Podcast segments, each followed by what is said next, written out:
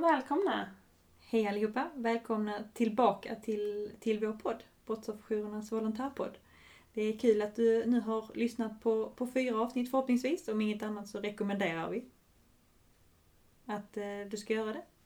Där är, är matnyttig information. Men eh, nu har vi kommit fram till avsnitt fem. Ja.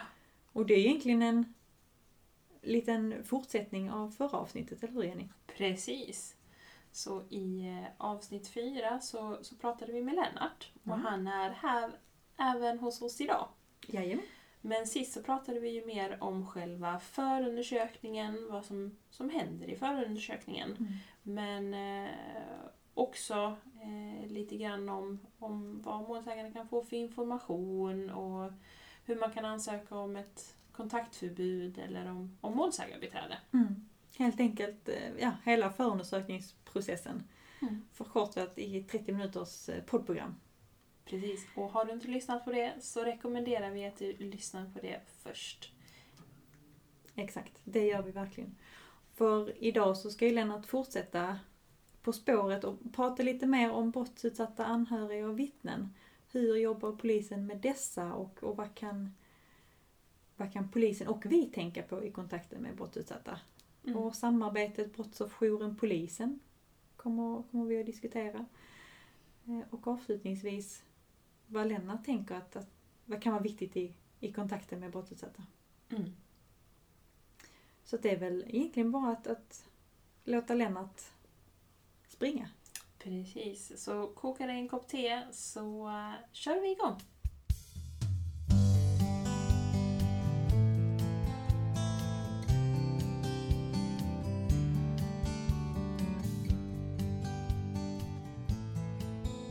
Gällande eh, brottsutsatta anhöriga och vittnen, för det är de, de kategorierna som vi kommer i kontakt med. Mm. Och hur, alltså hur jobbar polisen med, med brottsutsatta? Vad, liksom hur, hur, hur liksom går diskussionen kring bemötande och liksom hur, hur jobbar myndigheten i stort? Eller i alla fall här där du jobbar i, i Lund. Ja, alltså det är ju sagt att, att eh, brottsutsatta, det, det ska ju eh, prioriteras och det är ju väldigt viktigt för att gå tillbaka till förundersökningen.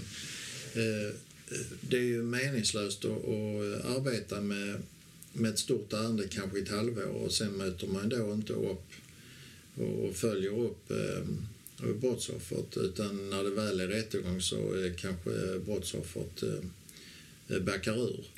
Och då har man ju lagt ner eh, ett halvårs arbete helt i onödan. Så brottsoffret spelar ju en central roll. Och det är ju samma sak med vittnen. Att det är ju väldigt viktigt att, att eh, man ser till så att vittnet känner sig någorlunda bekväm och verkligen eh, går upp i rätten och berättar vad, vad man har gjort för iakttagelser. Mm. mm. Men vad, vad skulle du säga fungerar bra i just kontakten med, med brottsutsatta och med vittnen och, och deras anhöriga? Ja, alltså det är ju väldigt individuellt. Det är precis som med alla andra yrken. Eh, när man har jobbat med detta ett tag så, så eh, förstår man ju att eh, har man inte med sig eh, Eh, brottsoffret eh, och, och hanterar det på ett eh, klokt sätt så, så brukar det oftast resultatet inte bli så bra. Så att det är ju väldigt viktigt naturligtvis. Att, att brottsoffret känner sig bekvämt och att man så gott det nu går informerar om vad som händer i utredningen. Mm. Har det, har det alltid sett ut så här inom Polismyndigheten? Du, du har varit polis ett tag. Har det alltid liksom varit, varit samma tänk om, om brottsutsatta? Ja, det har det. Det har det gjort, men samtidigt så som polis har man ett väldigt fokus på att, att lösa brottet och, och, och omedvetet så, så läggs ju naturligtvis då mycket kraft på den misstänkte. Så det, det är lätt hänt att glömma bort ett brottsoffer. Det är lätt hänt. För man tycker att när, när väl anmälan är gjord och man har kanske hållit ett målsägande förhör med brottsoffret sen kan man liksom lägga det åt sidan och sen är det fullt fokus på att att eh, försöka få eh, den misstänkte till att berätta sin version av händelsen. En förundersökning handlar ju om att, att återskapa ett händelseförlopp så, så nära man kan. Och det, det, där måste man ha hjälp av, av både den som är drabbad och den som är, är beskylld för brottet. Då är det viktigt att, att man tar hand om dem. Det är jätteviktigt. Ja, ja, ja, det är A och O. Mm. Det är det. Och samma sak med vittnen naturligtvis. Alltså bra vittnen är ju guld värda ju. Mm. Hur jobbar polisen då med, med vittnen? Jag tänker eh, de brottsutsatta blir en ganska naturlig del eh, eftersom det är de som är anmälda när man har målsägande förhör och liknande. Men just, just vittnena, för det pågår ju liksom en, en, en debatt nu i alla fall eh, som Brottsofferjouren Sverige driver. Just det här med att, att vittnen också måste ha stöd i ett tidigt skede för att det är någonting som behöver förbättras Mm. som Brottsofferjouren ser det. Mm. Hur, hur jobbar polisen med vittnen idag? Vet du?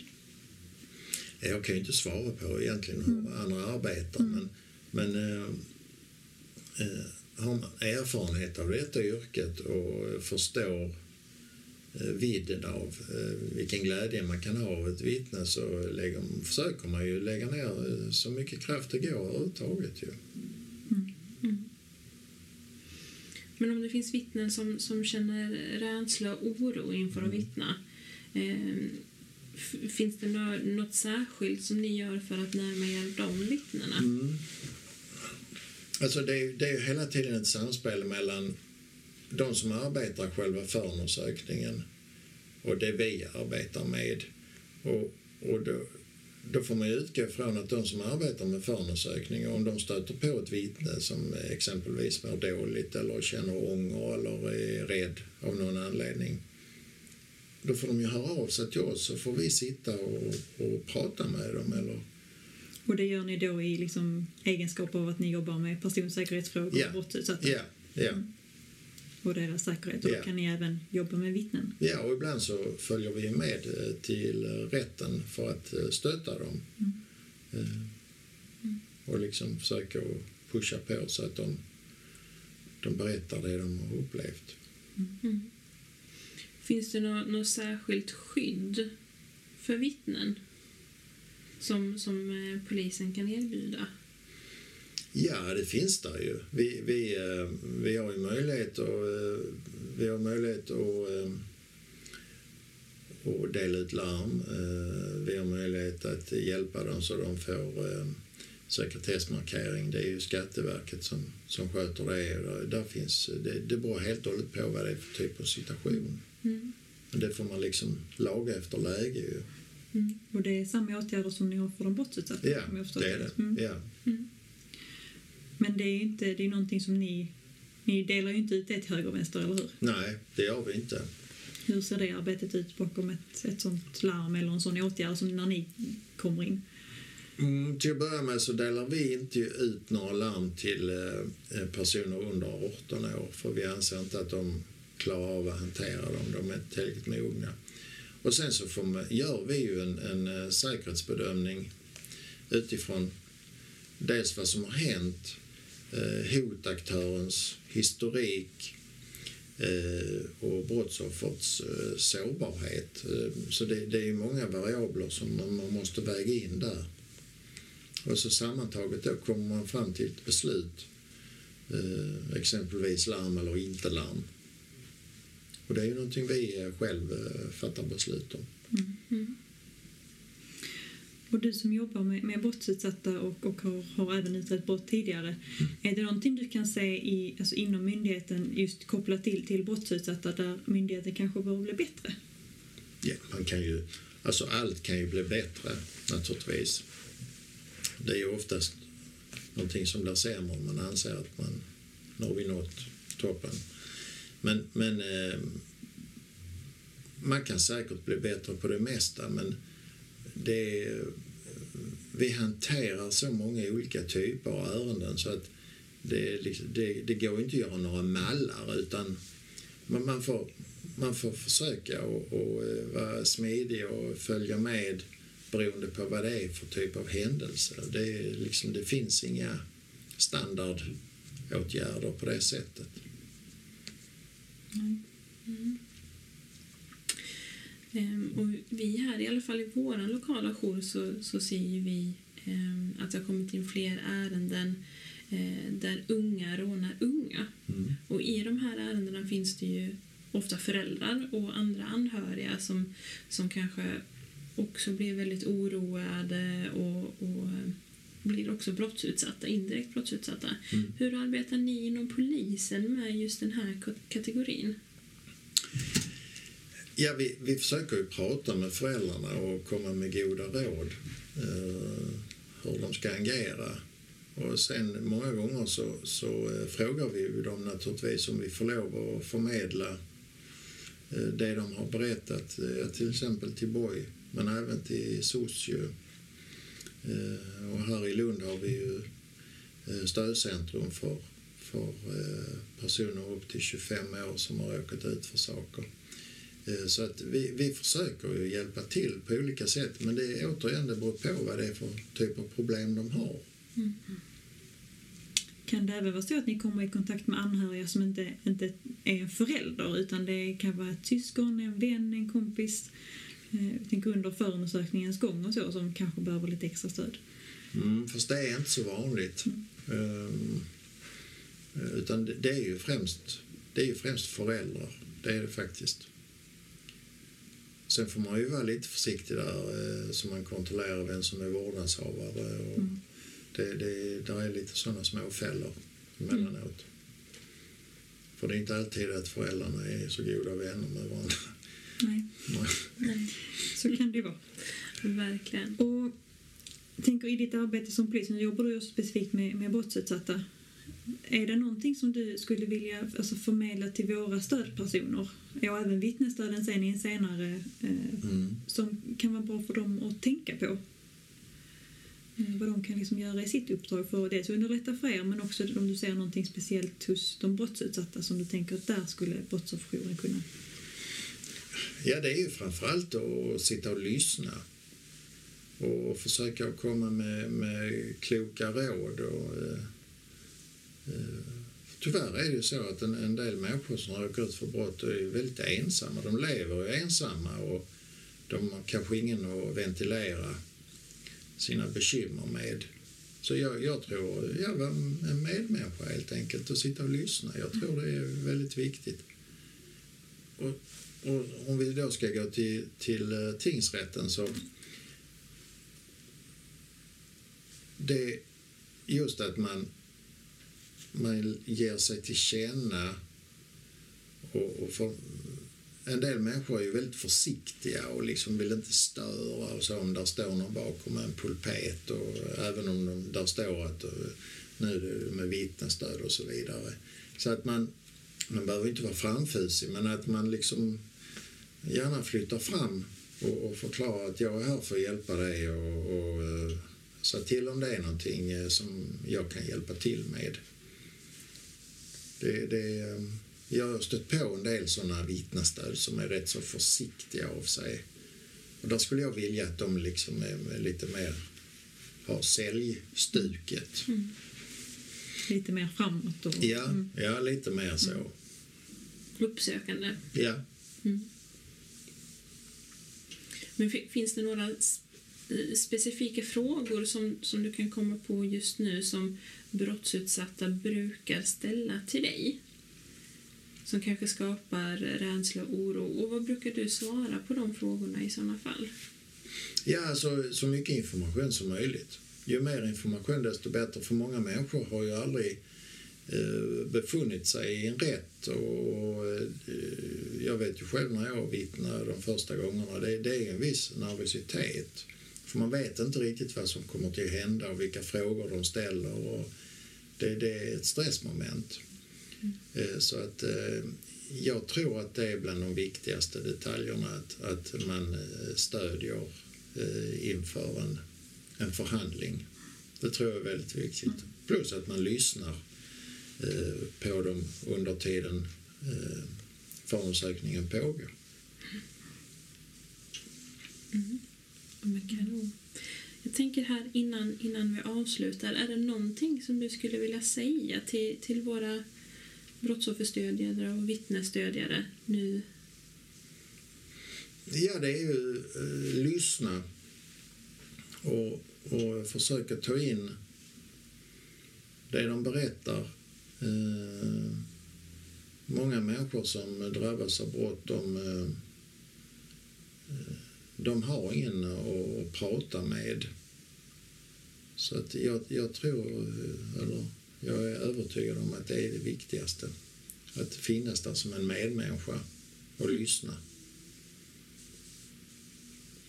Och sen är det inte färdigt. Sen, sen, de, de kan ju mycket väl ringa till oss om det är någonting. Det är inga problem med det. Vi försöker hjälpa till så gott vi kan. Sen är det inte alltid att vi kan berätta eftersom eh, speciellt om det är människor som ringer eh, och man inte kan kontrollera vem de är. Men eh, vi försöker hjälpa alla vi kan. Mm. Inte vara inte var rädda för att ta kontakt med nej, och fråga. Nej, och... nej, nej, visst. Det är helt okej. Okay. Jag förstår att det är, är många frågor. Eh, många oklarheter och det är bättre att fråga en gång för mycket. Mm. Absolut. Mm. Man ska inte vara rädd för polisen. Även som stödperson. Nej, inte, inte så mycket rädd. lite. ja, lite. Lite är alltid bra. Tack så jättemycket Lennart. Så, två avsnitt med Lennart. Avklarade. Snart i alla fall andra avsnitt avklarat. Precis. Och idag har vi pratat om, om brottsutsatta mm. och vittnen och anhöriga. Mm. Vad, vad, säger du, Emelie? Vad, vad är det du tar med dig från, från de här avsnitten? Eller det här avsnittet idag? Om vi tar det här avsnittet idag så tänker jag fortsätta lite på det Lennart sa alldeles precis. Mm. Det här hur att lyssna. Och vi hör ju när han beskriver polisens arbetsuppgifter så är det också mycket att lyssna och ta in och sen förmedla information precis som vi gör. Mm. Men vi har ju en annan roll där som, som Lennart sa, som medmänniska. Att, att polisen har ju trots allt ett syfte med liksom, de ska ställa frågor, de har liksom sin utredning, det är det som är fokus för dem. Vi kan ju vara den personen där de bara kan få vräka ur sig liksom det de behöver. Mm. Eh, ilska, glädje kan det ju vara ibland, sorg, rädsla. Och att vara den medmänniska som kan, kan hålla, att de kan få liksom ge oss den här containern med känslor så kan vi, kan vi bära den åt dem. Mm. Eh, så att de slipper bära den. Så kan vi lägga den åt sidan för det är inte våra känslor och, och våra tankar. Så att, men att de kan få liksom få ur sig det och få ventilera det. Det, det tar jag med mig härifrån det här avsnittet. Mm. Hur, hur tänker du? Men jag, jag instämmer, jag håller helt och hållet med, med dig. Men eh, det jag tänker också att jag tar med mig det, det är att inte vara rädd att kontakta polisen. Polisen finns här för, för alla. Så att har man några frågor eller man undrar vad som händer i ens förundersökning eller har, har några som helst frågor så, så ska man inte vara rädd att ta kontakt med polisen. Mm, precis. De, de finns här för oss, oss allihopa. Mm. Precis. Men jag tänker också på, på det här som Lennart eh, pratade om, om vittnesstöden och att de har en väldigt viktig funktion för att informera och, och finnas som stöd och lyssna inför eh, en tingsrättsförhandling. Mm. Eh, och att där som vittnesstöd att man kan göra väldigt mycket genom att vara framåt och att vara uppsökande. Eh, och fånga upp vittnen som känner oro och rädsla inför att vittna. Mm. Det är en viktig, viktig egenskap. Mm. Det är det ju verkligen. Det kan vi ju båda skriva under på. Och två avsnitt här med, med polisens arbetsuppgifter. Mm. Vi hoppas att ni har fått svar på, på några av de frågorna ni har, har haft gällande polisens arbete. För det är ju det avsnitten har varit till för. Precis. Och skulle det vara så efter att ni har lyssnat på de här två avsnitten att ni sitter på fler frågor så får ni jättegärna kontakta oss eh, och meddela de frågorna så kanske vi här senare under, under hösten kan bjuda in Lennart igen. Mm. Det hade ju varit trevligt. Så bara mejla dem till, till Brottsofferjouren Mellersta Skåne så ska vi, eh, ska vi försöka få, få till kanske ett tillfälle till om vi får in tillräckligt många frågor. Eh, Om inget annat så, så packar vi ihop avsnitt fyra och, och fem. Precis. Tack så jättemycket för att just du har lyssnat på de här avsnitten. Så hörs vi i nästa avsnitt.